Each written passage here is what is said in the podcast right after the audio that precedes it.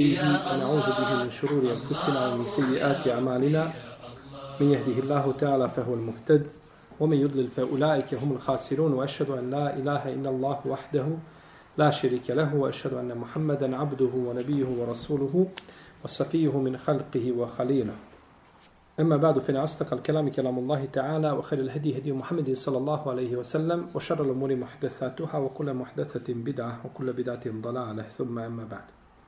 Mi smo u našem prošlom predavanju govorili o četvrtom i petom hadisu u poglavlju džume.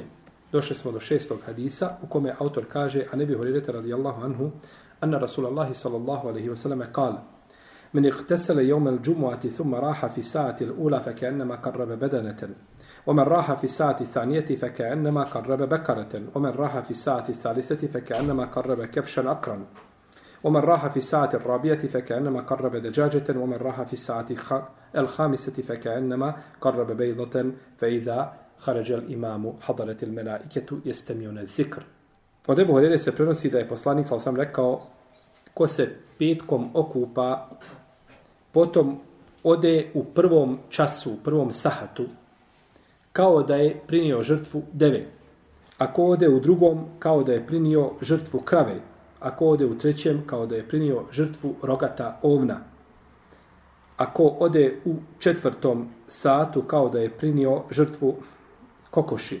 Ako ode u petom, kao da je prinio žrtvu jajeta. Pa kada izađe imam, dođu meleki da slušaju opomenu zikr.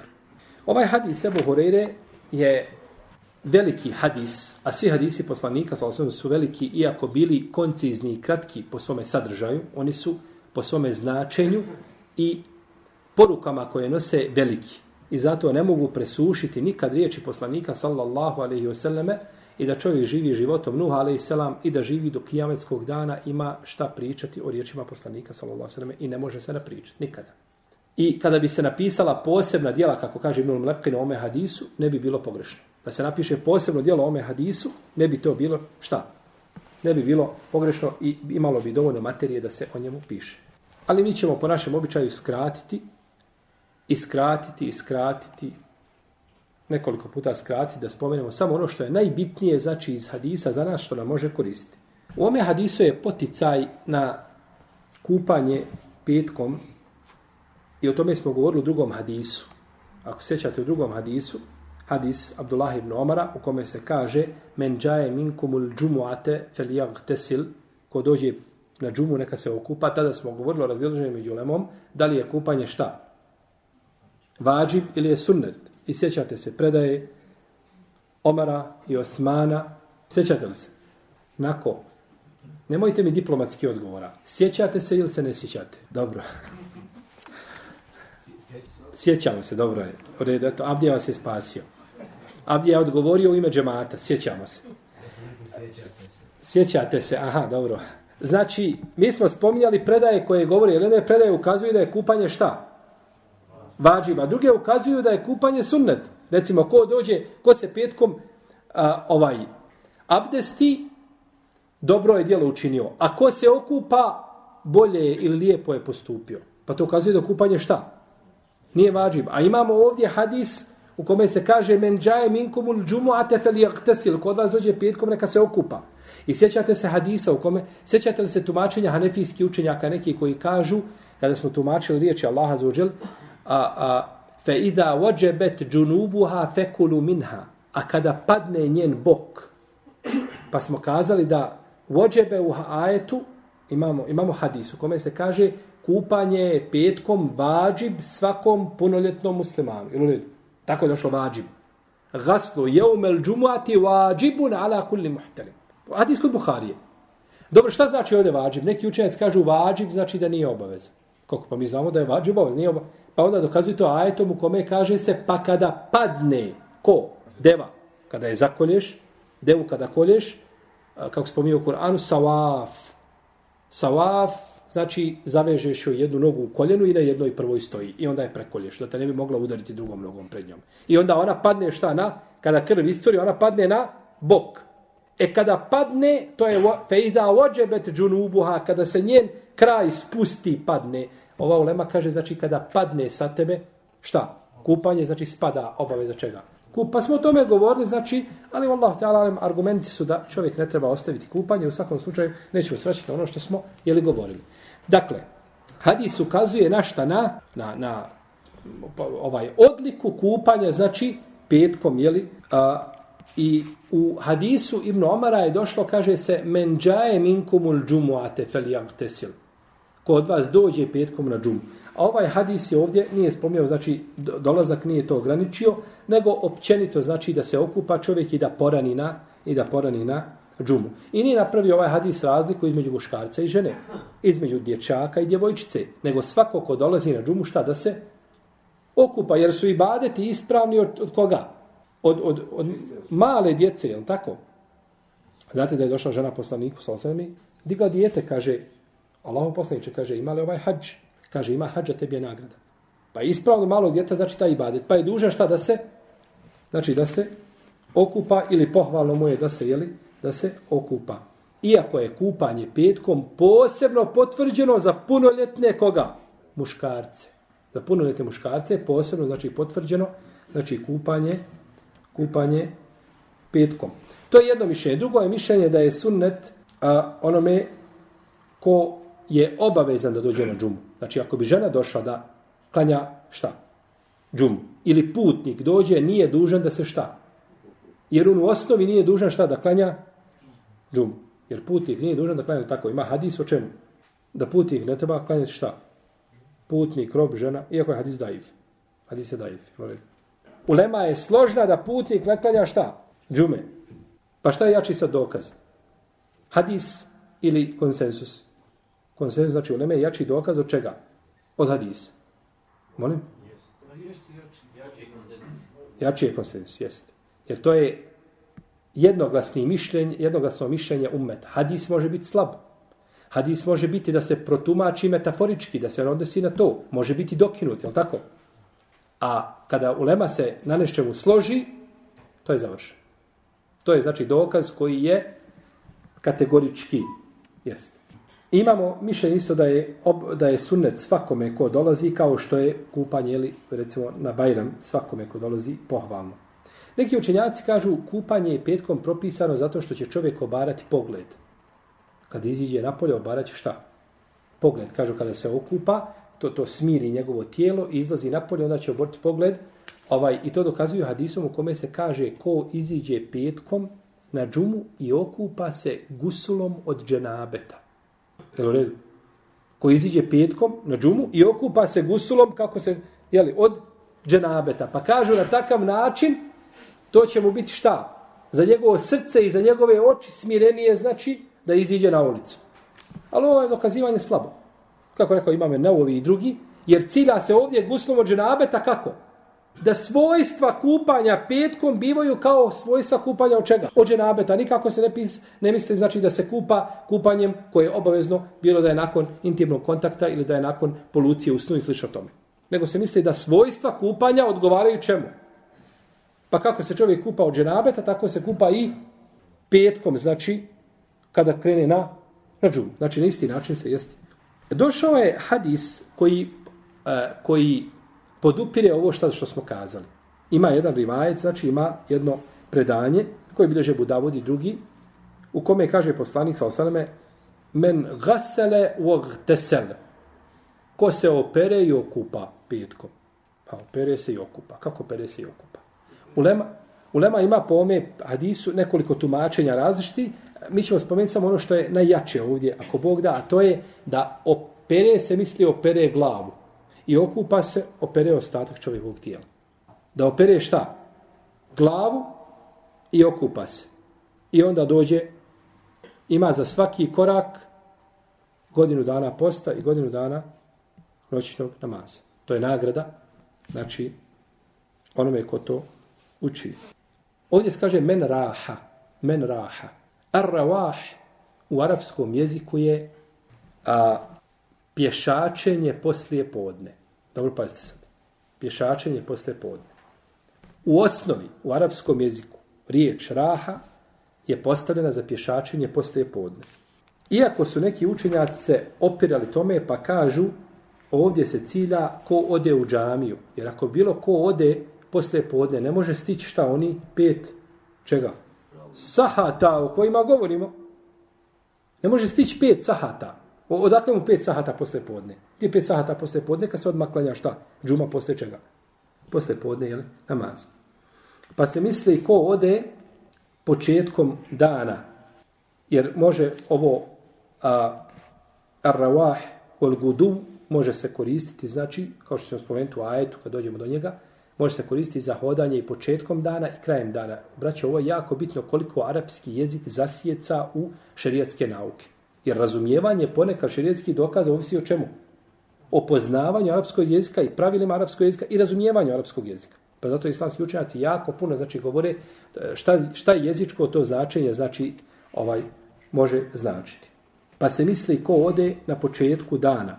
Uzvišeni Allah te barake od kaže Oli Sulejmane riha i mi smo dali Sulejmanu, alaihissalam, vjetar, guduvuha šahrun, varavahuha šahr. Nosio ga je taj vjetar, a ujutro je prevaljivao rastojanje od mjesec dana, a na večer je pre, prevaljivao rastojanje od mjesec dana. Imam Ese'alebi u svome tefsiru navodi od nekih mufesira da su ovaj ajet tumačili tako što kažu a, išao bi Sulejman a.s. od ujutro do podne rastojanje koliko ljudi putuju koliko? Mjesec. A od podne do navečega taj isti vjetar nosi koliko ljudi putuju šta? Mjesec. Pa on pređe od, od sabaha do akšama onoliko koliko su ljudi prelazili dva mjeseca hoda. Koliko su ljudi prelazili šta? Dva mjeseca hoda. Kaže Imam El-Hatabi da se ovdje cilja odlazak na džumu i da se porani znači na džumu, jer ako kažemo da je to hodanje poslije šta? Zevala, poslije nastupa podne, onda ne može čovjek ispuniti šta? Pet sati. Znajući, braćo, da je ovdje neka ulema kazala na osnovu ovoga jezičkog značenja, kažu ovdje rawah, taj odlazak, ko men raha, kažu to su stepe, to je simbolika za stepene ljudi i njihove deređe nakon nastupa vremena. Iako je tu tumačenje slabo hadisa. Ispravno je tumačenje da se odlazi šta? Što ranije znači na, na džumu. I ispravno je da je taj prvi sahat poslije zore. Odma poslije zore. Dok klanjaš saba, znači gdje si tu ostaneš. Ili odeš kući, okupaš se, stuširaš se, pa dođeš poslije zore u tom prvom sahatu. Jer recimo danas u Egiptu, ko hoće da sluša hutbe, ne znam, Muhameda Hasana ili Ebu Isaka al ili nekoga od šehova, poznati, on mora, znači moraš doći prije sabaha na toliko da sjedneš, da uđeš u džamiju samo. I onda do podne sjediš čekaš hutbe, ako ćeš da čuješ hutbu. I zato što hutbu klanja po 10, po 20, 30 hiljada ljudi po ulicama, sve je zakrčeno koliko se vidi. Jel tako? A onda šejh kad izlazi, ovaj, ovaj, kakav crni kamen. Nijako crnog kamena nije gužva kao oko njega. Kada, kada izlaze na polje. To je, znači, a, da bi se pomirili, znači, značenje hadisa, kažemo da je to odlazak, ovaj raha, znači odlazak u prvom vremenu, znači dana. Mi imamo hadis koji podržava ovo značenje, u kome se kaže petak ima 12 sati. Petak ima koliko? 12 sati. Pa bodijeli ti 12 sati, znači na vrijeme i dobija šta je period. Da ne nekom se da je sahat 60 minuta. Ne mora uvijek biti dužno 60 minuta. Nego se podijeli, znači, i onda se dobije, znači, to vrijeme, koliki je, jel, taj razmak, i učinio je ovdje petak cijeli dan u 12 sati. A nije učinio da imamo 5 sati odakle. Postaje zavala. To je, znači, to je nemoguće i to je neispravno. Ovaj hadis bilježe Budavud da petak ima 12 sati i on je ispravan po muslimovim kriterijama, tako kaže imam Hakim i tako su ga podržali imam Ibn Mulekini, Ibn Hađaru Laskalani je spomenuo ocenu imama Hakima i podržao ga znači u tome. Neki učenjaci šafijski, kao imam El Mawardi u svom djelu Al-Hawil Kebir, kaže da je to, da je prvo vrijeme nakon izlaska sunca. Dakle, ovaj sahat, recimo prvi sahat, on, taj prvi sahat, on ima svoje prvo i šta? Zadnje vrijeme. Kada se, kada se dodiruje čime sa drugim. Ko dođe u prvo vrijeme? U prvom sahatu. I ko dođe u zadnje vrijeme? U prvom sahatu. Je li nagrada ista? Ne može biti ista nagrada. Oni su obodvojica došli šta u prvom sahatu, ali se razlikuju. Kao recimo što se džemat razlikuje. Džemat su trojica, jesu li džemat? Peterica, jesu desterica. A je li hiljada džemat?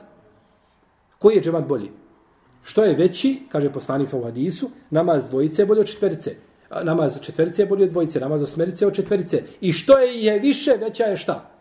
Na, tako je rekao poslanik sallallahu alaihi wa sallam. Jest. Znači, i ovo se ovdje razlikuje. Oni su došli, oni imaju jedan i drugu nagradu čega? Deve. Ali nisu sve deve iste, je tako? Nisu sve deve iste. I deve se razlikuju, jeste. Pa tako se razlikuje njihova nagrada, tako se razlikuje njihova nagrada. Ili onaj koji je došao u srednjem, došao u pola sedam. Jedan u šest, došao jedan u pola sedam, jedan u, 59. Šest i 59, jel u redu? Nisu im iste, sve, braćo, uzvišeni Allah zelo, nikome ne čini nepravdu. Svako ima, znači, nagradu, shodno trudu i ne mogu nikako dvojica biti šta? O, dvojica klanjaju na desnoj strani u safu, ali jedan došao 15 minuta ranije. Ne može nagrada biti ista, nikako. Ne može biti ista. Ili je sjedio između dva namaza i čekao namaza i ostao na tom mjestu i da klanja, ne može nagrada biti ista. Za razvod onoga koji je otišao, je tako? Sjedio u trgovini, pio kahvu, čaj, pa potom došao i klanjao on ima nagradu desne strane, ali nema nagradu kao onaj koji je sjedio ovdje šta i učio Kur'an ili zikrio i slišao tome, jer su u trgovini manje zikri. Kaže Imam El Gazali u svome dijelu Ihya Ulumuddin din, da je prvo vrijeme poslije sabaha, o, poslije nastupa zore, do izlaska sunca. Drugo od izlaska sunca, dok sunce ne oskoči, znači, a, jeli, nakon toga. Treći je kada nastupi vrijeme duha namaza četvrti i peti je posle duha namaza do podne. Tako je to podijelio. I kaže vam Gazalija, nema odlike onaj ko dođe posle podne. Ovo je jako bitno. Kaže se, fe iza haređel imam, hadaretil melaike, jeste mi one zikr. Pa kada imam iziđe, meleki zatvaraju suhofe, više te ne piše, gotovo je. I slušaju zikr. Slušaju šta? Zikr, opomenu. Pa je bitno znači da čovjek uđe u džamiju prije fendije. Protivno neće biti znači ubilježeno u suhov. U ome hadisu je pohvala čovjeka da ide što ranije znači u džamiju petkom i to je stav većine islamskih učenjaka kažu da je pohvalno da čovjek izlazi u prvom znači vremenu da ide u džamiju.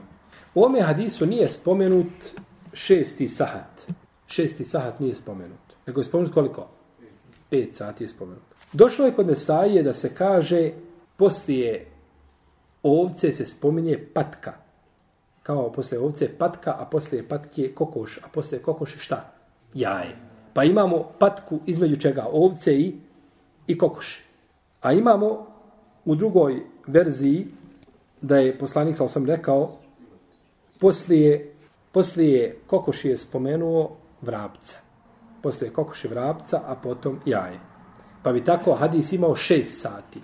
I ovaj hadis su, ovi lanci su pre, ispravni, ali imam neovi kaže da su iznimni. Da su šta? Lanci su ispravni, ali hadis šta? Metna hadisa je izniman. Kažu to nisu vjerodostojne zbirke poput Buhari i muslima spomenule. Pa kažu da je hadis, znači da je hadis izniman. E, pa je odlika do znači do zevala, do nastupa podnevskog vremena, jer nakon toga je šta? Ezan i onda je zabranjeno kasniti. Jer ta čovjek može samo imati grijeh ako namjerno kasni. Ti si do podne slobodan. Kad hoćeš doći, budu ehrano sehran. Kad imaš mogućnost, dođi. Ali poslije podne ti je, nakon ezana, da kasniš na džumu, jer slušanje džume je šta? Vađib hutbe, jel? A klanjanje namaza, svakako, ako zakasniš, onda to biva, znači, haram i zabranjeno. I mnogo ljudi, braćo, Eh, ima hadis kome se kaže ko tri džume ne bude klanjao, Allah će mu zapeče srce i on klanja dvije propusti pa jednu klanja ne da treću nikako da ga uhvati. Da mu ne bi srce, to je pogrešno. Ne smiješ propustiti jedne džume. Za tri džume se navodi posebna kazna. Ali to ne znači da je jednu dozvoljeno propustiti. Nego čovjek je dužan da klanja, znači ako nije putnik, da klanja sve džume. Dobro. Jednoj osobi nije sunnet da požuri u džamiju u ovi prvi šest sati. Koja je to osoba? Ma jedna vrsta ljudi, njima nije sunnet da požure u džamiju nego će doći u zadnjem vaktu. Sahib uzor. Pa nije sahib uzor, dođe i otići promijenit će abdest. Imam Efendija. Da bi ja te biti Efendije. Efendija nije dužan jer Efendija izlazi na, mim, na mimber kada? Neposredno prije ezana. On izlazi znači na mimber. I nije dužan, znači jer ovdje se kaže u hadisu, pa kada iziđe imam, dolaze meleki i slušaju šta? Opomenu, tako, slušaju zikr. Iako Ibn Hajar rekao, kaže ovo da kazivanje je slabo. Kaže, postoji mogućnost da imam dođe i da sjedi i da iziđe sa mjesta na kome sjedi. Ne mora da iziđe šta? Iz svoje kuće.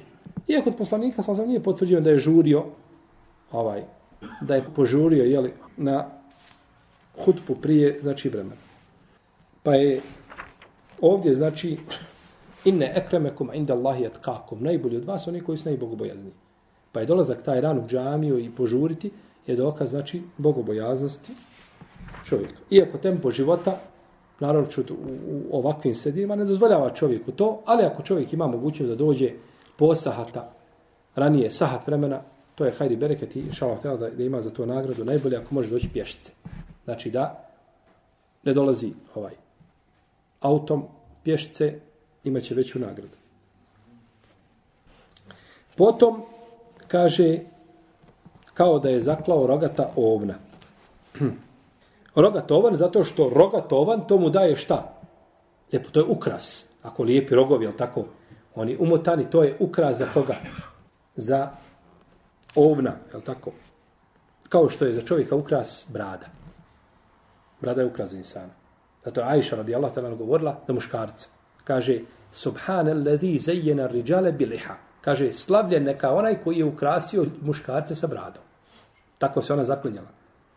Ili tako je onoga koji je ukrasio muškarce šta? Sa bradom. I bolji je rogatovan za, za uh, bolji je rogatovan od onoga koji to nije. Iako je došlo kod Ibnu Huzeime, je došla predaja u kojoj se kaže ovca umjesto rogata ovna. Spomenuta je šta? Ovca. A spomenuta je ptica umjesto koga? Umjesto kokoši. To je od ravija, znači kako su prenosili hadis, ovaj prenosili hadis u, u čemu? U značenju. Prenosili hadis u značenju. Dobro. U ome hadisu je dokaz da je da su deve bolje od krava za kurban. Jer su deve spomenute šta na prvom? Spomenute na prvom mjestu. I islamski učinjaci su složeni, bez razilaženja, da su deve bolje od krava za hedi na hađu. Da je bolje zaklati devu od krave, a da je krava bolja od čega? Od ovce. A da je ovca bolja od koze. To lema je znači po tom pitanju složna. Ali se razilaze kada je u pitanju kurban. Ono je tamo hedi. Jel u redu? Ono je tamo hedi za hađ. Govorimo o kurbanu koga kolje čovjek koji je u mjestu boravka ili je na hađu, ali kolje šta? Kurban. Hedi svakako mora klati. To mu je obaveza ako je mu temetija ili karin kod džumhura u leme većine mora klati. Šta? Tamo hedi kurban. To je hadski kurban. Mi govorimo o kurbanu o ovome našem. Da li je bolji, da li je tu bolja deva ili je bolja šta? Krava ili je bolja ovca? Pa imam Šafija, Jebu Hanife i većina učenjaka kažu da su najbolje deve potom krave, potom ovce. Isto kao pri čemu? Pri hediju na, na hađu. Dok ima mali, kaže ne, najbolje su ovce, potom krave, potom deve. Iako neki malikijski učenjaci nisu ovo prihvatili, ali ovo je stavi mama Malika. Zašto? Kažu poslanik sallallahu alaihi wasallam je zaklao dva rogata ovna.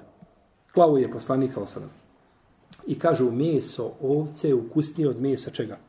meso deve ovaj a, teško i nije ukusno kao što je meso ovce. Iako ovaj hadis, spoljašo značenje hadisa je suprotno tome, jer je prvo spomenuta šta? Deva, da je najveća nagrada za nju. Kažu, kaže ima mali, kaže ne, meso ovce ukusnije i bolje. A ovi kažu jeste ukusnije i bolje, ali mesa deve i krave ima više. Jel u redu? Pa kažu, dvi imate ukusnije, ali mi imamo šta? mi imamo više. U svakom slučaju tu je razilaženje znači, među islamskim učenjacima.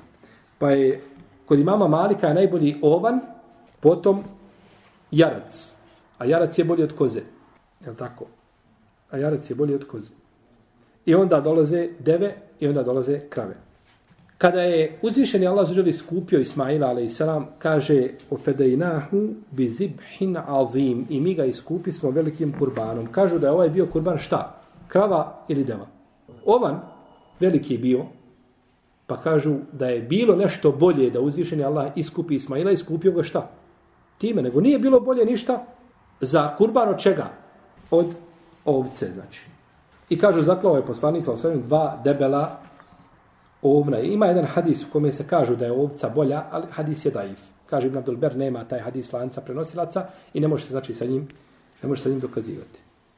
Dobro, zašto je nazvan ovaj Mofedejnahu bi zibhin azim, iskupili smo ga jednim velikim kurbanom. Kažu, ima predaj od Ibnu Abbasa da je rekao da je taj ovan a, g, u, u džennetu bio 40 godina. Pa je onda šta? Zaklan. I da je to ovan u stvari koga je zaklao sin, bolji sin Adem, a.s. za koga se kaže da mu je bilo ime Habil, da ga je zaklao, da ga je primio žrtvu koga je uzvišeni Allah primio. Pa ga je uzdigao u džennet, pa je gajen u džennetu, pa je nakon toga iskupljen kome? Jel, Ismailu, ali i. Allah ta'ala nema ovome ništa vjerodostojnog poslanika sa osam. Imamo hadis u kome se kaže da je poslanik sa osam pitan o najboljem a, o najboljem, najboljoj žrtvi, pa je rekao ona koja je najskuplja kod njenog vlasnika, koja se najviše plati. A najviše se plati šta? Deva. Deva je bez sumnje najskuplja. Deva je najskuplja. U svakom slučaju, kada je u pitanju hedi, na hađu je najbolja šta? Deva. Jer je na hađu ciljano da se što više siromasio koriste, a nema sumnje da je korist od deve veća nego korist od čega? Od ovce. Po spoljašnjem značenju hadisa, ovu nagradu, ovih pet stepeni, nema osim onaj ko se okupa petkom. Je tako? Da se kaže, ko se okupa petkom, potom šta? Ode u prvom, pa je ovo došlo, ko se okupa, to je šta? Je uslov? Ko se okupa? Ko nauči, dobit će ocjenu. Ko nauči, proći će. Je li naučiti uslov? Jeste li nije? O, jeste. Ko se okupa, a, ko bude radio, dobit će platu. Ko bude, to je uslov. Pa ko se okupa, dob... a da kažemo onaj ko se ne okupa da ima tu nagradu, nemamo argumente za to. Nemamo, znači, dokaza. I ovdje se kaže, a u jednoj se predaji kaže, eh da, koji je učinio hedi, kurban, a, ovce, ove, ove kokoši ili jajeta. Kako je nazvana kokoš kurbanu ili jaje kurbanu? Kurban je u stvari sve čime se Allah, jer kurban je došlo od glagola karrebe, je te karrebu, što znači približavati se Allahu azuđel. Pa sve čime se približavaš Allahu, to je u jezičkom opće značenju nazvano kako? Kurban, jer se time ti približavaš tražiš kurbet od Allaha za znači njegovu blizinu ili njegovu nagradu, šta za ono što činiš. Pa je nazvano time, jeli, kurban. Iako u standardnom tom značenju ne može čovjek klati, kaže, jeste ljudi kolju ovce, ja ću, ja ću, kokoš ili ću vrapce, ili slično tome. Pa kada iziđe imam, posle šestog sahata shodno hadisu Nesaije, tada se zatvoraju, znači, suhufi i meleke slučaju, znači, zikr. Ovi meleke što zolaze, braćo, to nisu hafala koji pišu čovjekova djela. To su posebni meleki zaduženi za šta? Tako da meleki imaju svoje zaduženja. I pokorni stvoritelj. Ibadu, kako smo često spomnjeni, ibadu mukremun, la jespikunehu bil qaul, vohom bi amrihi jamelun. To su časni robovi koji ovaj rade po naredbi stvoritelja svoga i nisu mu nepokorni u tome, u tome pogledu. Je tako? La jasuna Allahe ma emarehum, o jefalune ma ju'merun, kako došlo u hadis, u, u, ajetu, u, u ajetu sure Et-Tahrim. Je tako? ovaj da nisu nepokorni stvoritelj te bar kala onome što im naredi. Ovdje se kaže u jednom hadisu fe idha dželesel imam kada imam sjedne na mimber zatvaraju se sohvi. A u hadisu koga imamo ovdje na početku kaže se kada iziđe imam. Fe idha haređel imam kada iziđe imam. A ovdje se kaže kada sjedne. Kada iziđe imam i pođe u džamiju, možda je džamija velika, pa dok prođe kroz džamiju i safovi dok dođe, to ima vakta, je tako? Da li je sada kada iziđe iz svoje kuće i pođe u džamiju, ili je, ili ulazi u džamiju, ili je kada sjedne. Znači imamo dva rivajeta. Imamo šta? Dva rivajeta. Šta vi mislite? Maja, kad sjedne, lakše nam, je tako? Imamo više prostora. U pravu si tako. Kad sjedne. Jer kad imam iziđe, nejasno je kad iziđe. I da je bilo kad iziđe imam. Ovdje je kada sjedne je šta? Preciznije. Precizira. Znači kada iziđe je globalno. Kada imam uđe u džamiju, završeno je. Ali misli se kada uđe u džamiju, šta? Kada sjedne na, na mimber. I tada je završeno. Pa je jako bitno, znači, ovo, znači, opći jedan hadis podvrgnuti čemu? Posebnom hadisu. A poseban je hadis koji kaže, kada sjedne i on je jasniji. Iako je danas u mnogim džamijama u arapskom svijetu ima imam ima posebna vrata gdje ulazi do mimbere. Jer to je jako teško, znači ako je džamija velika, ljudi se natiskaju. Kod nas, alhamdulillah, između svake, između svake dvojice mogu još trojice sjesti po džamijama. Svako ono sjedi u rahatluku, je tako? I ne doti Bog da ti nekoga dirneš da se malo pomjeri. Znači, čudesa se mogu vidjeti. Ti si živio kad dođeš u džamiju. Znaš koliko imaš ti mjesta svoga?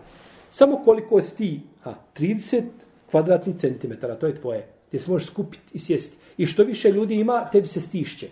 Nemaš ti prostora, tu ja sam došao prvi, neka si došao prvi, to ne je nikakvo ulogu. Ti imaš samo mjesta i kad čovjek kaže pomjeri si, ti se možeš pomjeriti, spiti se, dužan da se sabiješ, jer to je Allahova kuća i svako ima pravo, ha, a nikako da čovjek dođe i želi svoj nekakav rahatok i svoje mjesto, nema znači pravo. I zato mi je žao kada ponekad vidim ovaj da se traži od čovjeka da se pomjeri lijevo i desno i da vidite kako ljudi reaguju kao da je on taj dio zakupio sebi, to je neispravno, ti dužan da se pomiriš ako i kako možeš. Dobro. Pa smo kazali, znači da je ovaj hadis šta? Da se može pomiriti i da se da ovo zatvaranje suhufa biva kada? Kada imam sjedne na mimbar. Kada imam sjedne na to je bilo nešto ukratko o hadisu Ebi Horeira radijallahu ta'ala anhu. Allahu ta'ala anhu sallallahu ala Muhammed wa ala alihi wa sahbihi